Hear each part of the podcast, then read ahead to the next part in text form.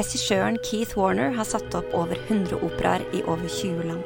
I møte med Janacek Sienufa ser han hvordan det han har viet livet sitt til, kan endre verden. Hør Keith Warner i samtale med dramaturg Hedda Høgåsen Hallesby på premieren til Janaceks dramatiske opera. Keith, you said in the rehearsal room that uh, Janacek's operas uh, believe in humanity. What do you mean by that? Um, maybe I think the li- it's funny, isn't it, how history kind of catches up with us suddenly. Um, maybe we need to define what humanity is much more now than we did when we started rehearsing. Um, and it's a very elusive matter in many ways because it's complex. I mean, people do strong or or not attractive things for the, for good reasons sometimes, or they feel good reasons, or maybe historically they turn out to be good reasons. Um, and the decision to make that, if that decision thinks about humankind, not about the self, but about how people will live on from this moment. And it could be within a family, it could be within a world, I suppose. Um, that seems to me to be a sense of humanity that you you you are not acting just on egotistical reasons or whether all your money is in some bank in London um, so that you you know you, you you respond to things purely from some backstory of your own but you respond beyond the self towards a, greater number of people. And the extraordinary thing, I, or, or even towards one or two people that are in your immediate uh, contact. Um, and the, one of the, the most extraordinary things about this piece, and is often with Janacek, that um, i- it's hard to think of other many people in the 20th century, writers, artists, who have this, that he always ends up or tends to end up with the positive. So that you feel there is some reason, there's some need to go on for all of us, that we must go through whatever the immediate is, whatever the, the personal pain is, for a, a, a- greater, a greater good. Um, it is a, a very dark piece indeed for almost seven eighths of it. And then something happens in the last seven minutes, let's say, which transforms this into perhaps the most moving opera in the entire repertory. Um, it's, it's, it's pure magic, and, and that change between s- just thinking there's darkness to, to light without it being sentimental, without it being simple, but there is a chance for people. That to me is humanity. Humanity shines through in the end. In It, way. it does. I mean, it blazes uh, uh, just when you you've almost given up on it. And I think that that is about what what's happening right before uh, the last chord, and that's Jenufa um, forgiving her stepmother for what she did. Yes. Yeah, and and there is, and you mentioned the family as um, an important part of, of this, and this is happening in a family, a kind of expanded family. I just heard a definition of a family as a group of people you owe an apology to. Um, I don't know if you recognize that, but and um, and all these people we, we encounter on stage, they're pretty nasty, right? They you don't find an angel in this opera, do you? I think most of the people I find in life are pretty nasty. yeah, right. I think, I mean, we're all capable, aren't we, of being all things, and, and we try hard to, to be good. But people, the nastiness is always there, just waiting to, to for whatever reason to come up and take us over. Um, and you know, whatever that may be that you need to do to to to create that, but but the or to to, to vanquish that. Um, the the the thing that I that always has been in the back of my mind is a wonderful um, set of uh, essays, but one essay in particular by the French deconstructionist philosopher Jacques Derrida, and he says something that that uh, really struck me years ago, and I think that you know this business of forgiveness is oh I forgive you for turning up late, I forgive you for for forgetting my birthday. This this is a sort of nonsense. This is just you know a bit of conversation, but he says the only true forgiveness that matters, that changes the world, is the forgiveness of the unforgivable. Um, so to forgive, sorry to use a pat thing, but to forgive what's now happening in Ukraine, to forgive Auschwitz, if that is possible, that is forgiveness. And I think what happens in, in the, the, the business of Jenufa at the end is that in this one individual spirited girl, you see the sense of what that potential is for all of us. Mm. If we can, I mean, to have your child murdered by your stepmother, and then to somehow get over that into not not to not to just say it doesn't matter or you know you, you don't have to go to prison. She's going to go to prison in one version of it because it became a novel and a play um, uh, by the librettist. I mean, there, there's sort of execution looms, but between these two women, there is this moment where Jenufa says, "Look, I forgive you. Whatever has happened." And it's not to release it's not to release Kostelnička, her stepmother. It's to release us. It's to release the world of an act of forgiveness of the absolute unforgivable. Um, and that's what that's the beginning. That's the key that opens this door in the last six or seven minutes to turn this piece into something that, my God, the world needs uh, now. Yeah. And one thing is to forgive, but she also finds the strength to move on, to live on. Where do, where does she find this hope or power to? Um, I don't think I don't. Yes, I mean it would be easy to say love. She she discovers a sense of love inside herself, um, but that's a little bit 19th century romantic, isn't it? I mean, love. It, it's such a complex, huge business. I mean, um, but I think I think how she finds the power is that somehow she sees the insanity of going on like mm. this, mm. of people behaving like this. And there's a glimmer of love for her, the possibility of love. But, but more important, she actually sees the possibility of the future. I mean, if, if, you, if you don't survive this, forgiveness is meaningless anyway because it really, in a sense, doesn't matter to those who are dead. But to those who carry on who, and live, as she must, um, there is this enormous sense of, of the potential of a future in which there is forgiveness in the world through the forgiveness of one individual. So it mushrooms and affects us all.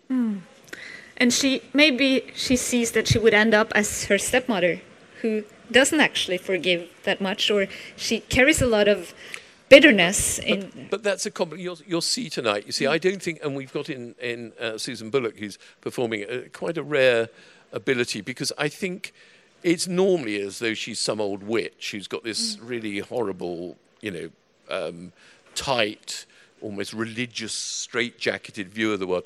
But somehow, um, I think we've worked quite hard that Sue developed something that you can I can't say you can understand why she does it, but that you can sympathize even with this incredibly terrible thing that she does. There, she, she, she always has. I mean, I, I did, I always, uh, I did the ring cycle with Sue at Covent Garden. She was a Brunhilde, and um, she had more than other Brunhildes who went through the cycles over, you know, the f- twenty years or so it was there. Um, she had this ability always to show you the inner workings, the, the thing of change within her. I mean, a real actress's ability to, to, to, take, you, to take you on a journey that's not just the, the set text of, of what's happening, but to go deeper than that. And I think, and I think um, you'll see that there, you, you, not just Jenufa, but you end up with some sympathy for this monster. I find that pretty um, astonishing, actually. That I, I and I feel like, for instance, this Steva, uh, uh, who is not a very sympathetic, sympathetic guy either, but I, I want to kind of um, give him a hug in the end. uh, so there is some something um, that touches us about every person on stage here. But how would you describe the relationship between these two women, uh, the stepmother and the stepdaughter? I, I, I think they love one another. I mean, I think they love one another in the most impossible, dark situation. But but I think what Kostelnička does, she does because of love. And that's why love is so dangerous, because mm. it leads us so often into you know emotional feelings which which open uh, incredible uh, possibilities of behaviour which which um, which you under normal circumstances would never contemplate. Um, but whatever that feeling love is, it explodes sometimes into mm. incredible directions. And I th- but I think both of them really think about one another and think that they're sort of doing good. Mm. Um, and you know we've done, we've tried uh, we've tried with Jenufa on on the other side. Often I've seen this, and she's some sort of angel, you know, and some sort of removed um, being, just goodness. Well, this is also a nonsense. I mean, this is perhaps one of the big things that we have to, particularly in opera, where a lot of our our things are 19th century based views of women, and I think the idea of the woman as the angelic the, that early Wagner thing of women who are saving these men, mm. um, and that's their sort of ewige Weibschaft destiny, is as dangerous as seeing women as scarlet women who are pulling men down. Um, we're all complex. We're all full of good and bad things, of energies that are that are that are, that are positive and and thoughts that are negative. And um, and I think actually uh, that uh, Cornelia in, in this, again, like Sue, makes a complex person. Um, she's very, very energetic and happy at one moment, and she's very sunk in gloom the next. Um, not just somebody who's good, goody goody. Um, and, and I think I have to say that that is about acting. I mean, mm. the one thing through, through Randy's casting and, and various things, what we have here is, is probably the best team or, or one of the best teams of singing actors that I have ever worked with. I mean, it's quite truly astonishing um, that they, they are as concerned with the connection between the text through the music to a character, not just singing, not just declaiming, not just doing what's there, but actually making this you know, uh, it's like mining the, to go deeper and deeper and deeper into why and how and, and, and that. So you end up with, I think, what opera is absolutely best at, which is that drama that has enormous emotional impact because of what the music is also uh, giving you, as well as the text and the dramatic situation. Uh, so, so I think, in one sense, you're in for it's a dark evening, but you're in for an absolute, uh, extraordinary um, display of talent mm. of, of real people. Somebody said recently to me, you know, to be an opera singer, to, you know, that you know you've got you've got to be able to act like Laurence Olivier and sing like Maria Callas, and and at the same time, mm. and actually. I think some of these people get pretty close. I saw, I old enough to see Olivier a hell of a lot as a young guy on stage, and um, and uh, I didn't hear Callas live, but obviously we all know recordings and tapes very, very well. These people do both, and not, and you don't see the join. Um, I can't think of anything better. When opera can do that, it's the best of the lot. I mean, it's it's extraordinary. Yeah. And what does Janáček music give you as a, as a director to work with? Oh dear. Um, it, it's it's it's complicated again because he doesn't paint the immediate emotional picture. So when somebody's happy, he's not necessarily writing hugely happy music. He he writes he writes in little units very often. It's like very early minimalism, like the, the birth of Philip Glass and all of that, because you'll get repeated four bars, da da da da da da da da da da da da da da da. Well, actually, what does that mean? You know, a repeated rhythmic thing. One of the great debates you do in rehearsal and why it takes us is that you have to look at that and say what does that mean and what do we agree it means and what characters that does that point at? Does it come from a character? Does it come from a situation? Is it purely abstract? Um, you know, and, and, he changes that. Now, sometimes there are soaring and searing melodies which which remind you of the old 19th century, you know, the kind of Verdi stuff, or even Richard Strauss or or something. But at the same time, there's a sensibility that's also fighting that that looks forward to. Um, to, to, to, to, to more modern Stravinsky or Britten or Schoenberg, more modern ways of using music, not the sound, not the actual content, but the way music is used in opera. So it's a fantastic, it's a fantastic piece that's on the bridge mm. of you know a, a, a, sea change in music theatre history. Um, again, I think you you feel that it's it's it's it's its own it's its own world. Um, Janacek. I mean, I haven't been here for 30 odd years. Um, and the last time I was here, I did Makropulos case 30 odd years ago with um, Tony Pappano conducting when he was music director here for a bit. Um, and it's amazing to me how Janacek, through all, through all the years, has been the one composer who, when you return to, seems absolutely modern uh, more modern than he did 30 years ago, and you think, oh my goodness, but also more connected to an incredible tradition of what opera is. Mm. So he's, he's, a, he's a wonderful enigma, I think. Um, also, this man, uh, we've got lots more biographical details about him these days. Fantastic John Tyrrell volumes of biography, um, which, which is interesting because he writes continually about humanity, mm. but actually wasn't a very nice human being. Mm. Um, a little bit. I mean, I think a little bit here all the time of Ibsen. I mean, it's mm. quite Ibsen of not being necessarily a nasty human being, but being a very conservative kind of human being living a life, writing the most liberal mm. ideas that the 19th century, 20th century ever produced. So um, he's a he's a total enigma, and I think that's you can you can hear that you can hear his personality, kind of trying to cope, and then also trying to hide a little bit in the music. It's it's fantastically um, unnerving, I would say. Mm. And Ibsen also plays the drama by Emil uh, where oh, yeah. the fate yeah, yeah. is kind of uh, in the background. Um, but if we read uh, Janacek's or the biographies on uh, Janacek, we see that he had a complex relation to uh, the church.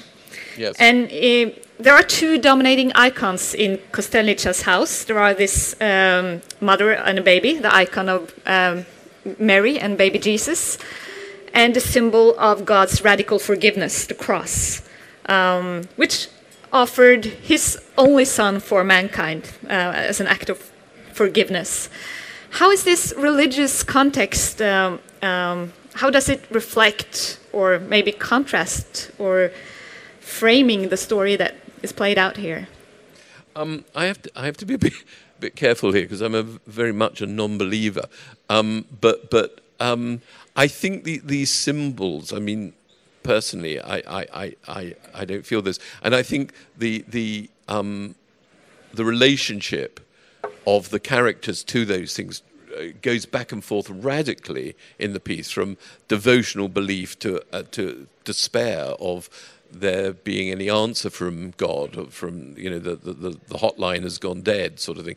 So I think it's again, it's a very he always paints a complex picture. It's never that religion is going to solve anything, but uh, but mankind has the chance of solving God's problems, if that's it, if if that exists at all. That we we we take the moment to use to see how we can how we can use an idea of something outside of ourselves, something bigger mm. than ourselves, to reach bigness ourselves. Mm. That's my that's my take on it, and I think and I think the characters play with that an awful lot. It, it, is God listening? Am I in a godless universe? And yet there is this end again where you kind of think there is something greater. Um, yeah. There is a big trauma happening in this drama, um, and we all experience different kinds of, of problems in our lives that are not this big as Jenufa goes through.